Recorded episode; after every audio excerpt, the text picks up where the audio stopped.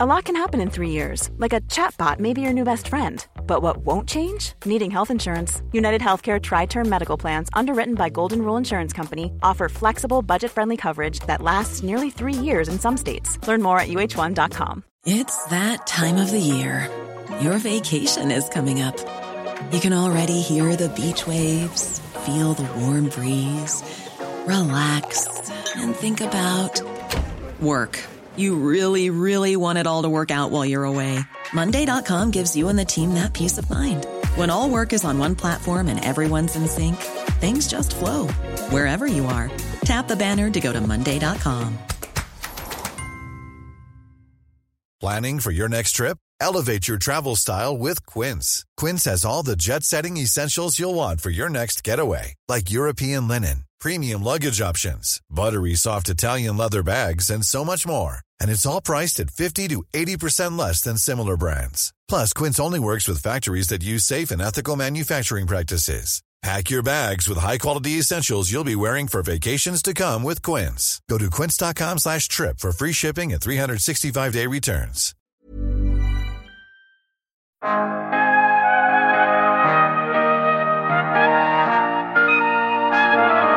Man behöver inte offra allt. Om någon säger eh, du får leva tills du är 150.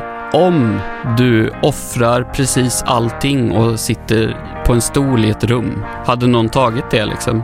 Nej, förmodligen inte. Och motsatt då, eh, lev så dekadent du vill. Absolut. Men du kommer ju få betala för det tidigare.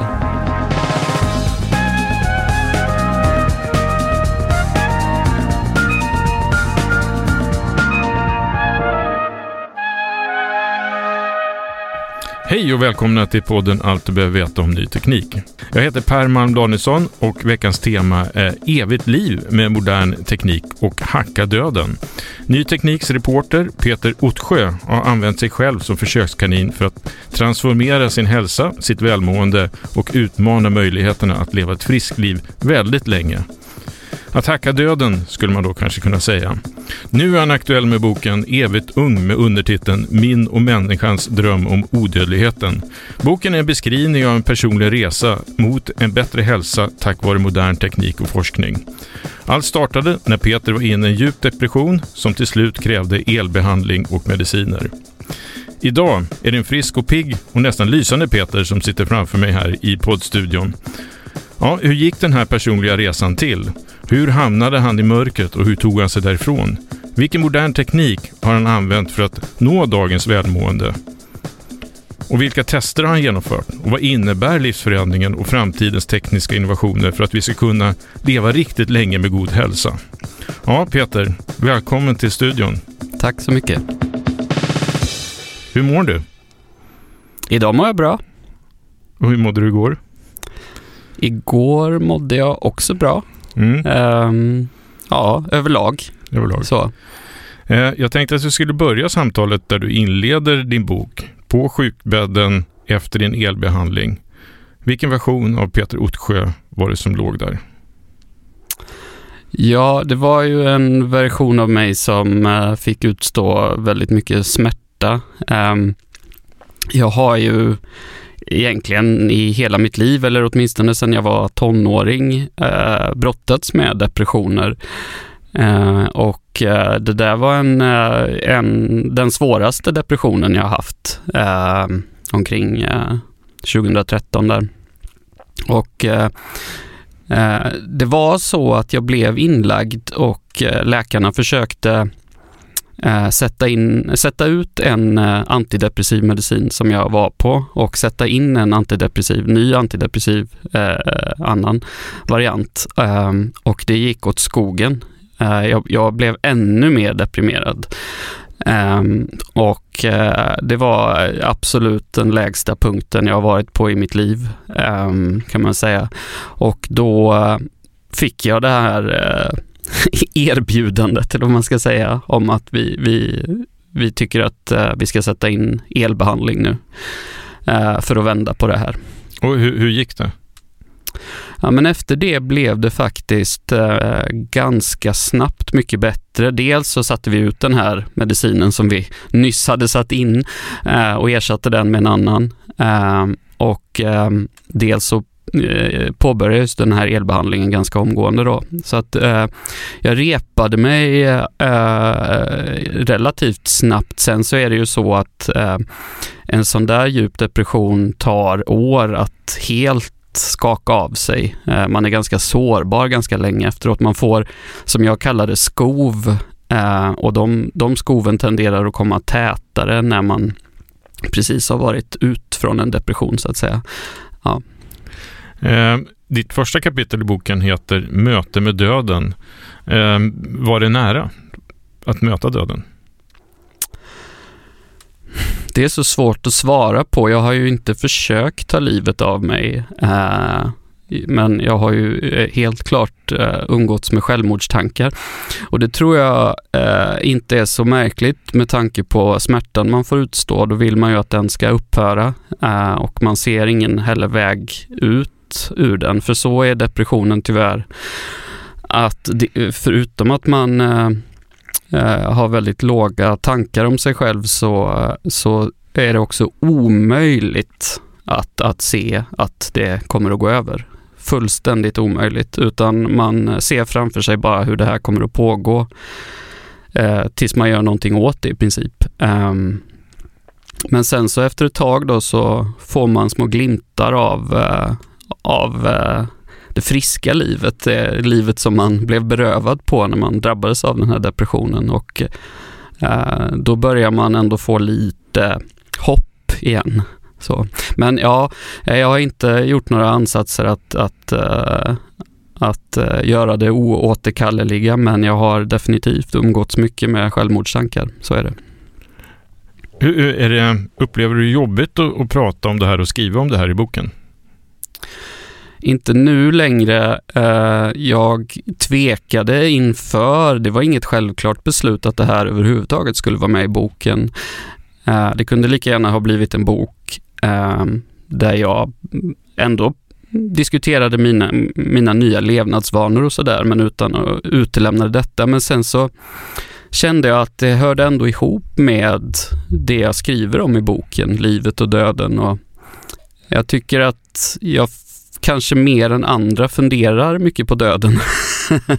och tänker inte heller att, för att en depression är, det är en lurig sjukdom på så sätt att den kan eh, den kan liksom eh, komma när man minst anar det egentligen och det är väldigt svårt att förutse det. Eh, och därför så har jag liksom lärt mig att jag inte kan ta mitt mående för givet. Och jag tror heller inte att liksom döden är bara någonting som är abstrakt vid horisonten som, som sker någon gång i framtiden utan, eh, utan den är högst närvarande i mitt liv ändå och eh, därför så kände jag att eh, till slut att det är värt att berätta om. Sen tycker jag att det är svåra ämnen såklart men man ska försöka avstigmatisera det också, eh, tycker jag. Ehm, så så att nu känns det bra att prata om det. Mm, du har en härlig livsaptit idag då? Ja, för... Du ser väldigt välmående ut. ja, för det mesta. Sen så, sen så är det klart att jag är väl... Eh, I det vardagliga livet så stöter man ju på eh, svårigheter som, som alla gör. Liksom. Så att eh, det kan också vara utmanande. Men, eh, men ja, jag, jag har mått bra, väldigt bra till och med, ganska länge eh, tycker jag nog. Mm. Eh, jag tänkte jag ska citera ett stycke i boken. Eh, så här skriver du då, eh, citat. Jag var en stillasittande medelålders reporter som sov för dåligt, åt för mycket och vars motion mestadels bestod av de skamfyllda nattplundringarna av kylskåpet. 44 år gammal, 174 cm kort, 95 kilo tung, mitt midjemått var 110 cm och mitt BMI över 31. Mina halter av det nyttiga kolesterolet var för låga och mina halter av det skadliga kolesterolet var för höga.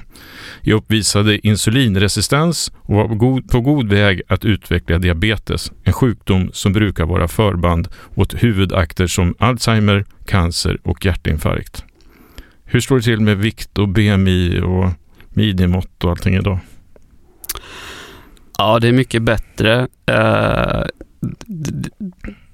väldigt mycket bättre är det ju. Um, uh, alltså skälet till att jag hamnade i den situationen uh, har väl delvis att göra med mina depressioner. Uh, det är som jag skriver i boken, så även om jag inte får några djupa svackor och inte har fått det på länge, så får jag ändå svackor och Eh, det kan faktiskt ehm, göra att eh, man hamnar lite ur balans och därför tycker man att lite synd om sig själv och eh, börjar då äta och så kommer man in i de vanorna och så pågår det i några veckor och sen så och så är man fast i det där igen och sen så försöker man ta sig ur det och så. Så att ehm, under arbetet med boken då så ändrade jag ju mina levnadsvanor, började äta annorlunda, började röra på mig mer men ganska strukturerat och det håller väl i sig rätt så bra än så länge. Målet var att göra det under ett år, eh, men jag tycker nog att jag har fortsatt med det eh, sen dess. Så att, eh, ja, nu, nu var det ett litet tag sedan jag mätte eh, kanske eh, blodsocker och insulin och eh, sådana saker, men men vikten är ju mycket lägre och BMI är lägre och, och mina halter av kolesterolet har vänt åt helt eh, motsatt håll så att det nyttiga kolesterolet är högt och det, det skadliga kolesterolet är, är lågt. Ja, det är någon form av Peter 2.0 som sitter här då. Eller? ja, ja, det kan man väl säga kanske. Ja, eh, du startar resan då mot hälsosammare och ett friskare liv, ett längre liv och samtidigt ska du dokumentera det här i en bok. Du var ju med tidigt i podden när Sara Örvall var här och diskuterade hennes bok där hon berättar om de olika möjligheterna och tekniken som finns för att förlänga ett liv och leva hälsosammare. Men du har ju faktiskt varit din egna, egen förs försöksperson också. Mm. Um, så under ett års tid så lägger du om dina kostvanor, du går på fastekurer, sover helt plötsligt ordentligt eller mycket bättre, bryr dig om, mer, bryr om sömnen på ett annat sätt. Tränar, kartlägger din arvsmassa, går på hälsokontroller stup i kvarten och mäter i stort sett allt som går att mäta när det gäller hälsa. Stämmer det? Ja, det finns mer att mäta. Så det är egentligen någonting som bestäms av vad man är, rädd, vad man är beredd att betala eller vad man har råd med egentligen. Eh, så det, det finns lite häftigare tester man kan göra. Men ja, eh, jag har eh, tagit reda på betydligt mycket mer om min hälsa. Så är det ju. Med, med olika typer av både hudnära sensorer men också blodprover och eh, ja, som du nämnde ja, så har jag kartlagt min arvsmassa. Mm. Vi, vi, ska gå in på dem här nu. Jag tänkte bara eh, om vi tar då transformationsåret steg för steg och de här olika delarna. Så kan inte du då beskriva vad du gjorde med kosten? Med kosten så eh, gäller det att börja tänka på eh, tre saker. De flesta tänker väldigt mycket på vad de äter, eh, vad de stoppar i sig. Eh, men man kan också tänka på eh, hur mycket man stoppar i sig och eh, när man stoppar i sig mat. Eh, så att eh, kort sagt när det gäller kosten så, så eh, äter jag en vegankost mestadels fast med inslag av eh, fisk och skaldjur också. Eh, det är en del som kallar det för fegan. Jag vet inte om det är så bra, men eh, det gör jag. Och sen så har jag ju ägnat mig ganska mycket åt fasta. Framförallt så har jag eh, tagit väldigt mycket inspiration av en forskare som heter Walter Longo som har utarbetat en, en fasteimiterande diet och den går egentligen ut på att man får fem lådor eller fem askar en för varje dag eh, och i de askarna finns allt det man får äta. Då. Och eh, det som sker är att kroppen tror att den fastar, eh, men man får äta lite så det blir inte lika smärtsamt som om man vattenfastar under fem dygn. Och det är väl kan man säga det som jag tror har gjort störst skillnad för min hälsa, i alla fall väldigt tydliga, snabba resultat eh, av det. Men Så. Eh, de här lådorna, gjorde du egna lådor eller beställde du lådor? Jag beställde lådor så att eh, han eh, eh startade faktiskt ett företag eh, som började sälja de här askarna med, med mat utifrån den här näringstekniken som han hade tagit fram då. Eh, och eh, väldigt speciellt komponerad uppsättning som ska göra att kroppen tror att den fastar. Och, och vad, kan du berätta vad som låg i de här lådorna? Vad, vad, vad var det du fick äta? Ja, det är inte... Eh, det, är ingen, det är ingen rolig kost. Eh, det är mest soppor faktiskt. Eh, och sen är det någon sån här nötbar som man får äta på morgonen. Men sen är det soppor och... och, och det är i form av pulverpåsar eller? Ja, mm. precis. precis. Um, uh, någon vitamintablett och um, sen är det lite tilltugg, lite kex och, eller oliver. Uh, jag hatar oliver så att det är inte så uh, kul. Och det värsta av allt är, är ju att man egentligen inte ska dricka kaffe då. Eh, sen, eh, och, och, jag har gjort den där fastimiterande dieten i tre omgångar, så totalt 15 dagar. Och första vändan så drack jag faktiskt inte kaffe alls på fem dagar och det var ju helt fruktansvärt de första dagarna. Sen så såg jag att det gick eh, att få dricka en kopp om dagen, så då blev det lite lättare. Men eh, nej, man gör ju inte det för att eh, det är trevligt, men det är förmodligen mindre smärtsamt än alternativet som är vattenfasta och det har jag aldrig klarat längre än 36 timmar. Och vad, vad kostar eh, den där, de där fem lådorna då? Ja, nu var det ett tag sedan jag kollade priset, eh, men eh, omkring 2000 kronor. För en, för en kur? Ja, fem dagar precis. Men det låter ju som att det är någonting man själv skulle kunna nu när du kan sett vad som är i lådorna så kan du fixa det själv. Eller är det några specialkomponerade soppor?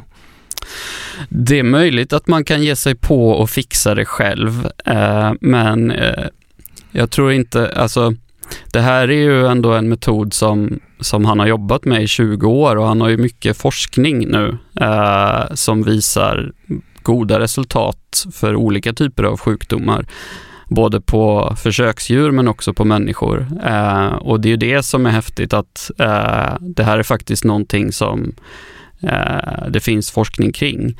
Så att man kan säkert laborera själv men eh, jag tror inte att man kan vara säker på att kroppen tror att den fastar då. Mm.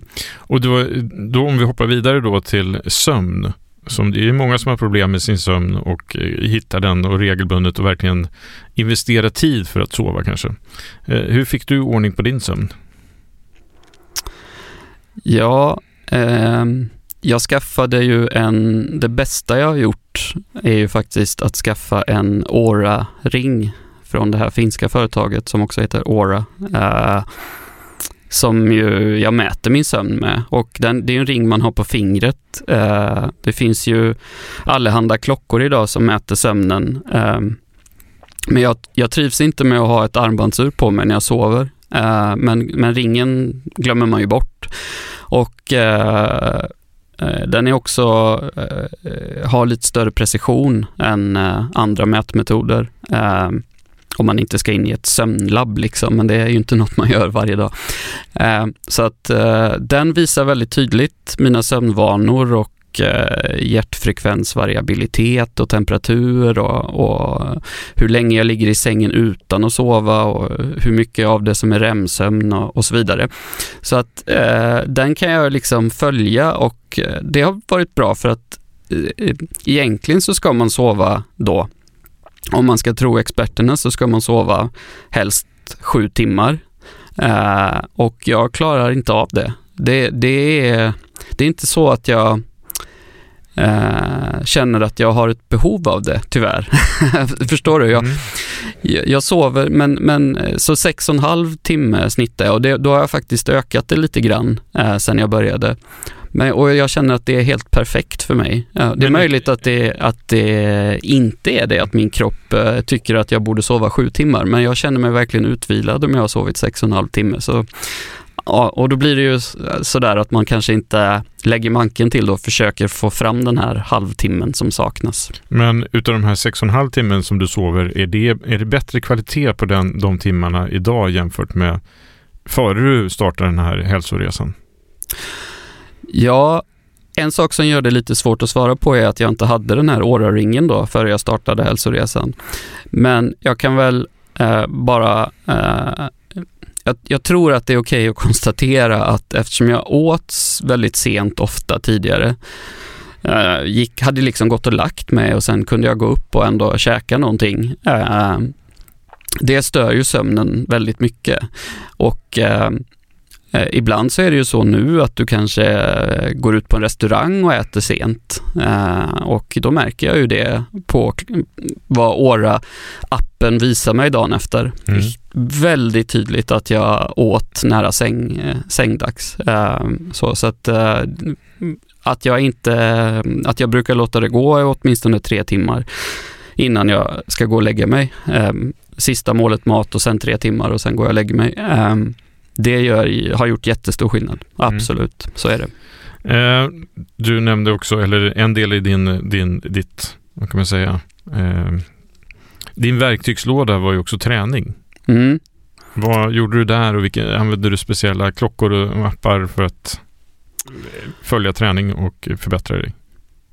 Det jag har gjort är väl egentligen att jag har anlitat eh, eh en personlig tränare Eh, och på ett gym som jag tycker är eh, ha, har förståelse för att tänka väldigt långsiktigt kring eh, hälsa. Så man, om man går till ett, ett gym, vilket som helst, och säger att du, hur ska jag träna för att vara frisk när jag är hundra? Så kanske eh, man inte riktigt blir tagen på allvar. Eh, jag vet inte, det är en känsla jag får, men, men det här gymmet eh, har verkligen byggt in det i sin verksamhet och har väldigt många seniorer som tränar hos dem också.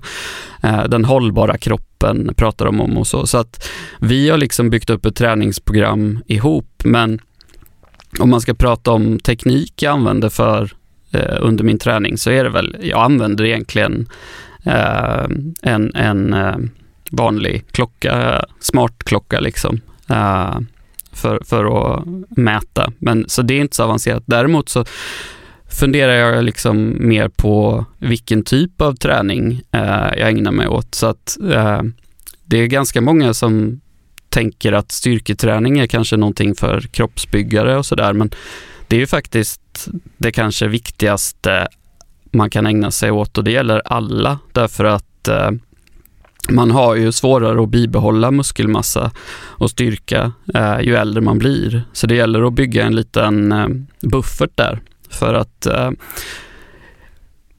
värdet av att ha muskler kommer att visa sig väldigt, väldigt starkt eh, när man förlorar dem på ålderns höst därför att de här vanliga sakerna man gör varje dag när man är yngre, de eh, kan man inte längre göra. Och det beror på att man inte har tillräckligt muskelstyrka för att göra det. Putta saker, dra saker och så vidare, lyfta saker. Mm. Men eh, i Hollywood just nu så pågår ju en, en ganska stor trend, bland män som är plus 45, att man håller på med blod, blodbyte, man trycker in eh, extra injektioner med hormoner, eh, just för att tillväxthormonet minskar så mycket när man blir äldre. Man försöker få upp det på en, på en annan nivå. Är det här metoder och grejer som du har kikat på men kanske inte testat? Ja, jag har kikat på det, eh, men jag är inte helt övertygad om eh, lämpligheten i det kan man väl säga. lämpligheten ur ett moraliskt perspektiv? Eller ur, ur ett hälsomässigt perspektiv. Mm. Så. Eh, jag är inte så övertygad om lämpligheten i det faktiskt. forskningen bakom det känner jag, mig inte, känner jag mig inte trygg med. Det är inget jag skulle testa själv. Ehm, men jag har mätt mitt testosteron och det, det ser bra ut. Det, det ser mycket bättre ut nu än vad det gjorde innan. Så att eh, utan att jag behöver några hormoninjektioner. Mm. Eh, du kartlade också din arvsmassa. Eh, vad visar den och hur reagerade du när du fick resultatet? Ja, jag reagerade väl med lättnad för att det första jag kollade, som säkert många kollar om de kartlägger sin arvsmassa, det är en gen som heter ApoE. Eh, och eh, den finns i tre varianter och eh, du får ju två varianter från en från mamman och en från pappan. Eh, och de, de heter E2, E3 och E4. Uh, har du fått E4 från båda dina föräldrar så är risken för att få Alzheimer markant förhöjd. Uh, jag hade E3 som är den normala. Det är varken lägre risk eller högre risk. Det, det, är, den, det är den normala säger jag, men det är den vanligaste i populationen. Ehm, har man E2 så har man lite lägre risk. Så det var ju skönt. Samtidigt så är man, betyder inte det att man...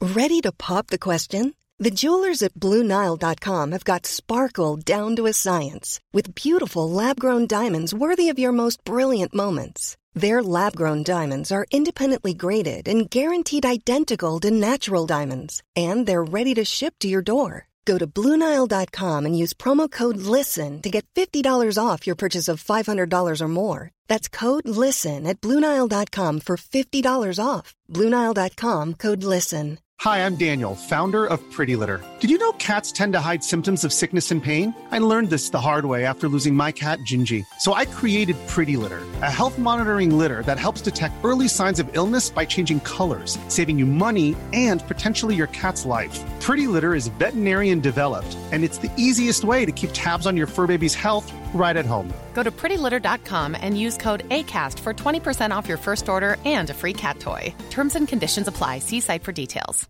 Hey, Dave. Yeah, Randy. Since we founded Bombus, we've always said our socks, underwear, and t shirts are super soft. Any new ideas? Maybe sublimely soft. Or disgustingly cozy. Wait, what? I got it. Bombus. Absurdly comfortable essentials for yourself and for those facing homelessness. Because one purchased equals one donated. Wow, did we just write an ad?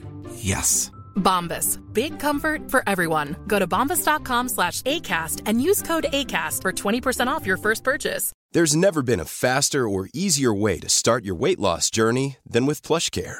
PlushCare accepts most insurance plans and gives you online access to board-certified physicians who can prescribe FDA-approved weight loss medications like Wigovi and Zepbound for those who qualify. Take charge of your health and speak with a board-certified physician about a weight loss plan that's right for you. Get started today at plushcare.com slash weight loss. That's plushcare.com slash weight loss. plushcare.com slash weight loss. Hey there, it's Michelle Norris. I'm host of a podcast called Your Mama's Kitchen. When I travel, I'm usually looking for a way to find a taste of home when I'm not at home. And one of the things I love to do when I am at home is entertain. And Airbnb allows me to do that. When I was in California recently, I rented a house that had a great kitchen. And when we were sitting around the table, we're all thinking, we're in someone else's house. Someone could be in all of our homes as well. If you have a home, but you're not always at home, you have an Airbnb. Your home might be worth more than you think. Find out how much at airbnb.com slash host. Är immun mot, mot att få demens, men, men det är ändå eh, skönt att slippa den där. Uh, så. Men sen är det ju så, uh, jag gjorde faktiskt två typer av eh, kollar av min arvsmassa. Den ena var lite mer skräddarsydd eh, och det är ju den typen av eh, tjänster som man kan köpa från olika företag som är lite billigare där du får eh, lite tips kring eh, vad dina gener säger om hur du bör äta och kanske hur du bör röra på dig och, och sådär. Men sen så gjorde jag även eh, den här fullständiga kartläggningen av min arvsmassa. Eh, jag, fick, jag fick lite eh, Eh, de ger en eh, små rapporter liksom där också, men, men framförallt så kan du, eh, om du Eh, läser någonting i någon artikel någonstans om eh, den här genen som orsakar den här väldigt sällsynta sjukdomen, då kan du genast gå in i en databas och söka på dina egna gener och se vad har du för varianter av den. Liksom. Så, det har jag gjort några gånger. Det är lite småläskigt fast eh, även om risken är enormt låg så för att man skulle ha fel variant då, men, eller fel mutation. Men, men dina gener, eller dina, det visade sig också att du hade någon, någon gen som, ja, som, som, som personer har i, i grupper som lever väldigt länge. Ja, precis. Det är en gen som heter FOXO uh, som är väldigt, har varit väldigt central faktiskt för åldrandeforskningen därför att den dök även upp i man kan säga att uh, uh, den forskningen som sker nu kring vad man kan göra åt eh, åldrande och hur man kan eh, förlänga hälsa och så, den tog fart på 90-talet och en stor anledning till att den tog fart just då var att det var en forskare som heter Cynthia Kenyon som upptäckte att hon kunde eh, förlänga eh, livet på rundmaskar. Det låter ju inte så spännande men, men eh, det var någonting nästan helt nytt då att man och, och, och det, alltså det enda hon behövde göra var egentligen att slå ut en enda gen. Um, uh, och på det sättet så blev rundmaskarnas liv dubbelt så långt. Och på den tiden så trodde man att uh, åldrandet var alldeles för komplicerat för att att det skulle räcka att bara mixtra med en enda gen. Men då såg man att jaha, det går att göra någonting åt åldrande. Även om det är en enkel organism som rundmasken så var det en sensation. Och det som eh, visade sig då var att när man slog ut den här genen då fick Foxo, som vi var inne på nu då, Foxo i den här rundmasken fick fritt spelrum eh, och det är väldigt bra kan man säga. Eh, och vi människor har också Foxo och eh, den dyker då upp i en viss genvariant av, av Foxo, dyker upp i långlivade populationer och jag har den från en av mina föräldrar, men jag vet inte vilken. Hur känns det? Hade jag haft den från båda föräldrarna så hade jag förmodligen kunnat vara ganska slarvig eh, och ändå haft en god chans att leva länge. För så är det, eh, när man blir riktigt gammal, 100 år eller mer, då är det ofta eh, gener som spelar en stor roll. Eh, för man kan ha de här andra generna som indikerar att man ska få sjukdomar. Men så är det några eh, speciella gener då som, som liksom eh, fungerar som ett skydd. Uh, och det, det, är tydligt eh, i människor som är, blir så gamla. Uh, så att, att jag har den från en förälder, det kanske ger mig ett visst skydd, men det det var, rolig, det var en rolig upptäckt, uh, men, men jag ska nog inte förlita mig allt för mycket på den, utan det är nog bra att fortsätta och försöka leva sunt också. Ja, men det var i alla fall någon form av genetiskt S. Om man tittar på de här två olika varianterna av eh, eh tester då som du har gjort. Eh, vad, vad, vad, kostar den enkla testet? Det är väl typ när man tar ett blodprov och skickar in, eh, stoppar ett brev och skickar iväg och får tillbaka ett svar. Ja, de ligger väl på under tusenlappen nu. Uh, ungefär de, de, den typen av tester och uh, den här fullständiga kartläggningen, eh, helgenomsekvensering som det heter, kostar, kostade mig 4 000 kronor men jag kan tänka mig att det är billigare nu. Det går väldigt, väldigt snabbt. Eh, priset sjunker otroligt snabbt. Eh, vi kommer säkerligen hamna i en situation där det blir gratis eh, och kommer erbjudas av sjukvården. Mm. Om det tar fem år eller tio år, det vet jag inte, men det kommer att bli så till slut. Ja, du gick då på regelbundna åt hälsokontroller ganska ofta, om jag har förstått saken rätt.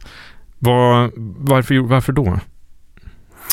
Därför att eh, eh, det är viktigt att även om eh, jag var någorlunda frisk, eh, det, det, mitt, mitt blodsocker såg ju inte så bra ut men, men jag hade ju inte diabetes.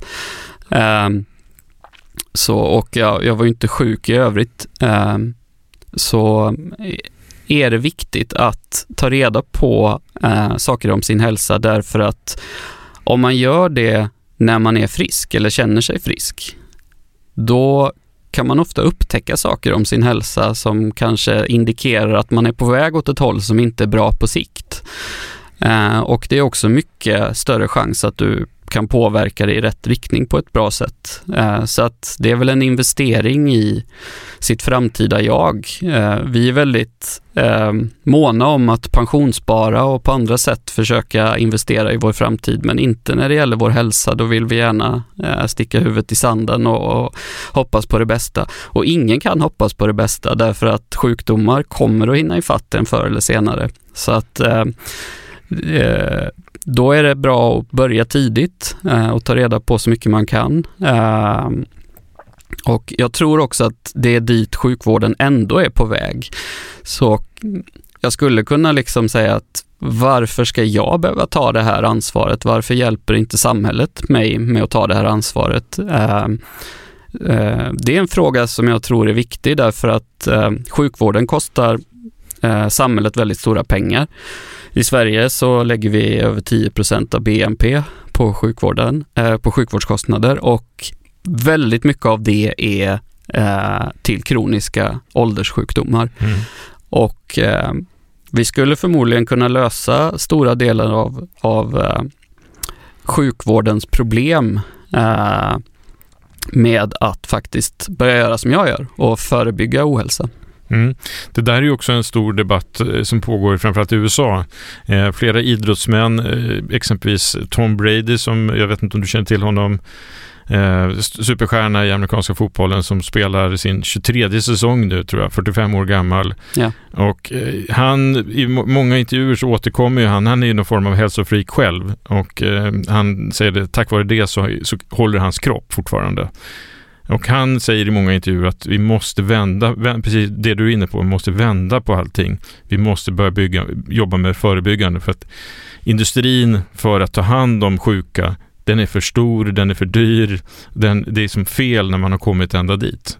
Och den kostnaden försväller, vi måste vända på hela, he, hela, hela kalaset. Mm. Eh, och tror att det här är möjligt. Vi är ju lata människor, vi går, vi tycker om hamburgare, vi tycker om att dricka alkohol, vi tycker om att eh, sova dåligt, vi tycker om att gå till kylskåpet.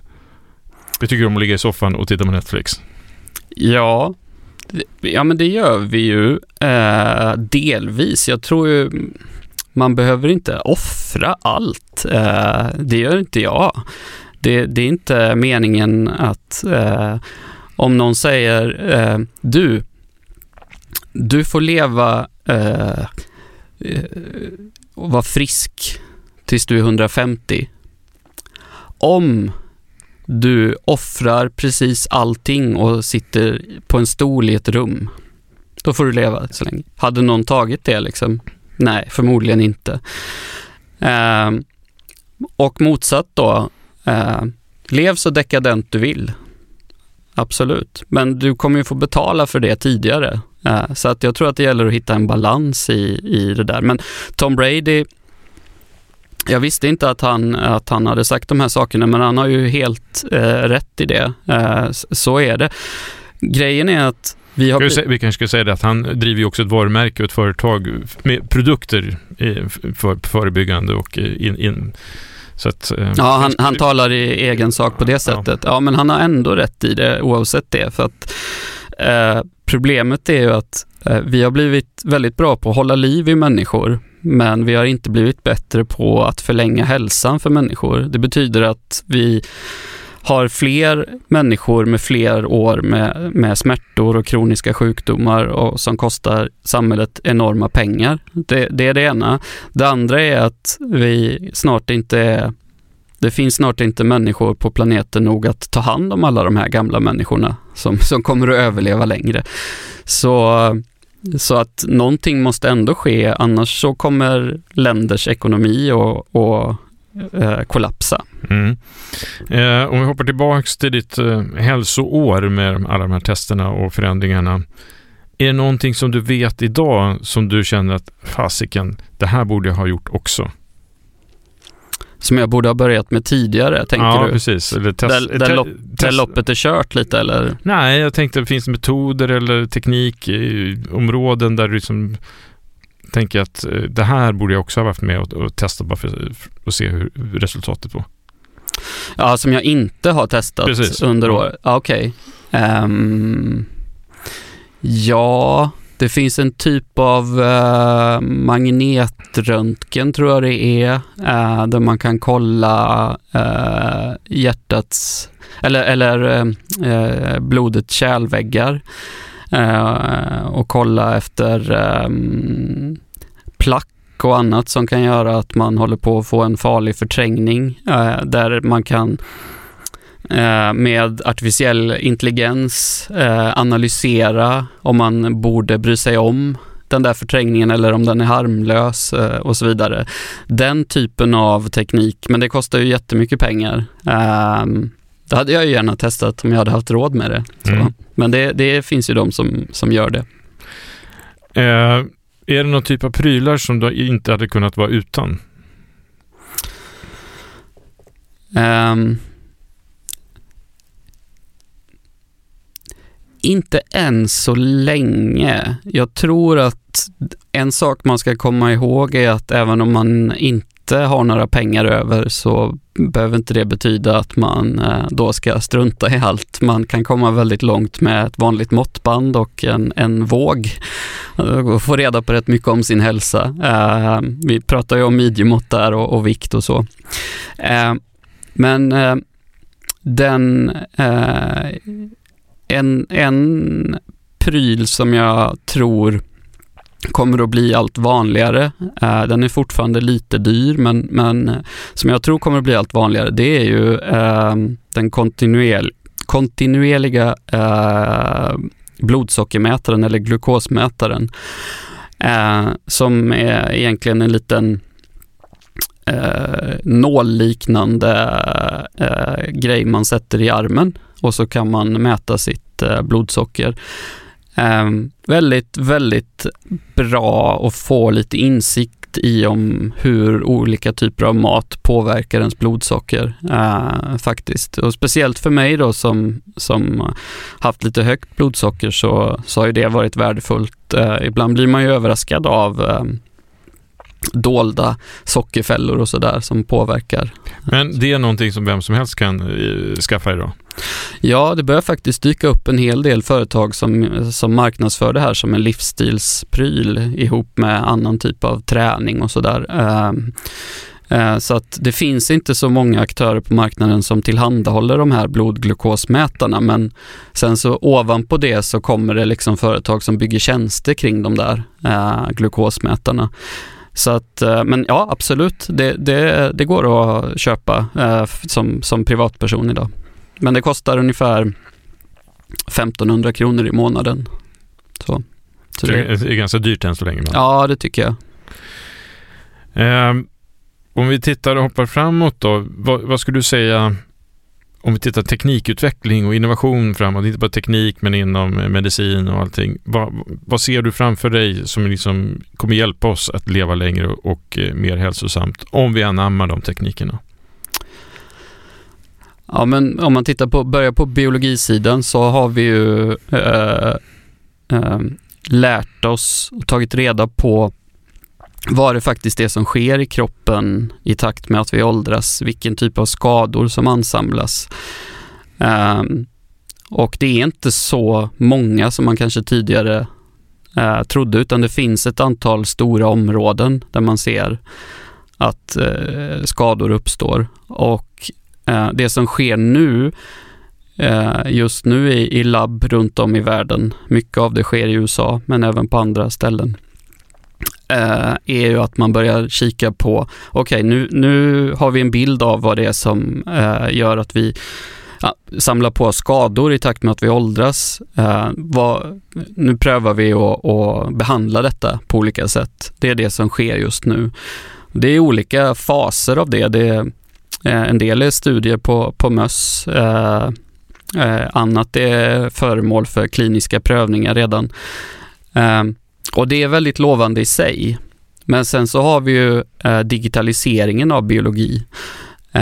Så att det är inte bara det att jag kan kartlägga min arvsmassa utan den finns ju i digital form också numera och eh, man skulle ju kunna ha en artificiell intelligens som eh, går loss på det och eh, spårar mönster och så vidare. Och det där kommer vi ju se, AI kommer ju liksom färga av sig på på sjukvården, på forskning, på medicin på alla möjliga sätt. Men om man tar några exempel så eh, läkemedelsutvecklingen kommer att gå otroligt mycket snabbare eh, tack vare AI.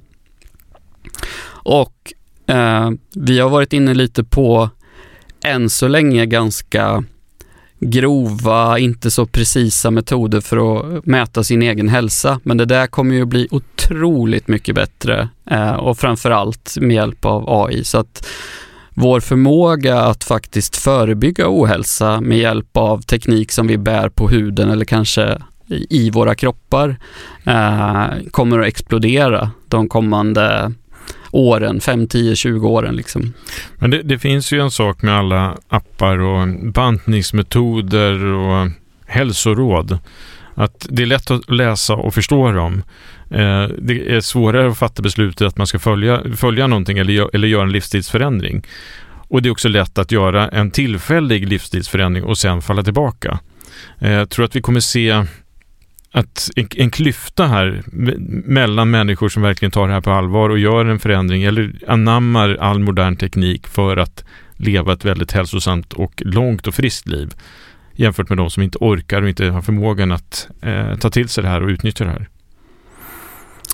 Det är mycket möjligt att det blir så, absolut. Eh, till syvende och sist så måste ju individen själv få lov att välja hur man vill leva sitt liv. Så är det ju. Eh, och jag tror dessutom, och så är det ju redan, att eh, det finns en skillnad i eh, om man har råd eller inte. Så att det är redan en klassfråga på sätt och vis. Ehm, eh, så att absolut, det, det, det, det, är en svår fråga med, med att det kan uppstå eh, ojämlikhet. Så är det. Mm. Ehm, är det någon innovation som har varit absolut viktigast för dig som vi har idag eh, på din resa? Ja, jag är alltså jag, jag väntar ju idogt på, på ännu bättre mätmetoder och eh, eh sådär. Eh, jag tror att eh, det viktigaste har varit att faktiskt eh, komma i kontakt med människor som förstår vad det är jag vill göra och eh, har kunnat coacha mig i det. Eh, så det har varit viktigare än att jag har någon speciell teknisk pryl som hjälper mig. Men jag är som, som sagt, jag är väldigt förtjust i min ring som jag har på fingret och eh, i min eh, glukosmätare och Eh, att det har trots, även om jag la 4000 på att kartlägga min arvsmassa så är det ändå väldigt mycket lägre eh, prisen än vad man fick betala för att kartlägga det allra första genomet eh, för bara ett 20-tal år sedan. Mm. Eh, du är ju också teknik och reporter på Ny Teknik där du verkligen du skriver ju väldigt mycket om framtidsinnovationer och eh, ja, vad var framför oss? Eh, vilka typer av värden och hur, eller vilka typer av världar och världen kanske kommer se ut. Vad är det som är så spännande med att vara teknikreporter just nu? Ja, men det är ju att, att uh, teknikutvecklingen är exponentiell och uh, om man tittar på uh, människans historia, ett par hundratusen år, så för de allra flesta människor tidigare så såg ju livet ganska likadant ut. Ehm, oavsett när man levde så var det inte sådär jättestor skillnad. Ehm, eh, men sen så från 1700-1800-talet och framåt så har det ju någonting skett och nu när vi är här på eh, 2020-talet så, så är det ju som att eh, världen förändras nästan från år till år. Eller åtminstone så kommer det ny teknik som känns helt banbrytande eh, nästan varje år. Och eh, vi står ju faktiskt inför en framtid som innebär att vi kommer att kunna manipulera liv, skapa syntetiskt liv, skapa syntetisk intelligens som överstiger vår egen intelligens. Um, och uh, vi, når, vi, vi, är på väg mot en punkt, det blir nästan som en händelsehorisont, vi, vi, som, som vid ett svart hål. Vi kan inte riktigt se vad som finns bakom den punkten. Vi kan bara spekulera och det, det är klart att, jag menar, hur kan man inte tycka att det är otroligt fascinerande och häftigt och vilja försöka ta reda på så mycket som möjligt om den framtiden. Mm. Eh, vi närmar oss slutet här Peter och vi ska säga det att boken då Evigt ung finns att köpa i butik nu och beställa på nätet. Eh, hur har det varit att skriva boken? Det har varit jättekul och svårt. Eh, väldigt utmanande ämne. Jag, har, eh, jag, är, jag är otroligt ödmjuk inför uppgiften för att Eh, jag är inte molekylärbiolog utan en enkel reporter så jag har eh, försökt eh, sätta mig in i det här ämnet så, så mycket jag bara kunnat. Men, eh, men det har ju också förändrat mitt liv. Eh, jag lever ju på ett annat sätt idag och jag känner mig eh, väldigt glad över det mm. faktiskt. Det, det är långt ifrån den där elbehandlingen 2013. Ja, det är, långt, det, det, är långt ifrån den elbehandlingen 2013, men den kan komma tillbaka. Det, det är tyvärr så med depressioner att um, det skulle till exempel kunna uppstå um, svåra eh, situationer som drabbar en, eh, att någon familjemedlem dör eller att man drabbas av någonting annat eh, svårt. Och jag är, då är vi som drabbas av depressioner, vi är väldigt känsliga för den typen av omstörtande händelser. Så man kan aldrig ta något för givet. Nej. Boken är i alla fall extremt, väldigt, väldigt läsvärd. Jag har läst igenom den, dock digitalt bara, så jag ska se fram emot att ha det fysiska exemplaret. Jag hoppas och tror att du får ett väldigt långt och friskt och hälsosamt liv och att du har mycket muskler som 90-åring. Detsamma. Ja. Stort tack Peter. tack så hemskt mycket. Och då säger vi också tack till dig som har lyssnat på det här avsnittet. Har du synpunkter får du jättegärna mejla till redaktionen nyteknik.se. Jag ska också säga det att det här är min sista sändning och mitt sista avsnitt som programledare för Ny Tekniks podcast. Jag ska nämligen sluta som chefredaktör och tackar så mycket för alla som varit med och lyssnat under, den här, under de här åren. Eh, jag dyker kanske upp i andra poddar i andra sammanhang. Tack så mycket. Hej då!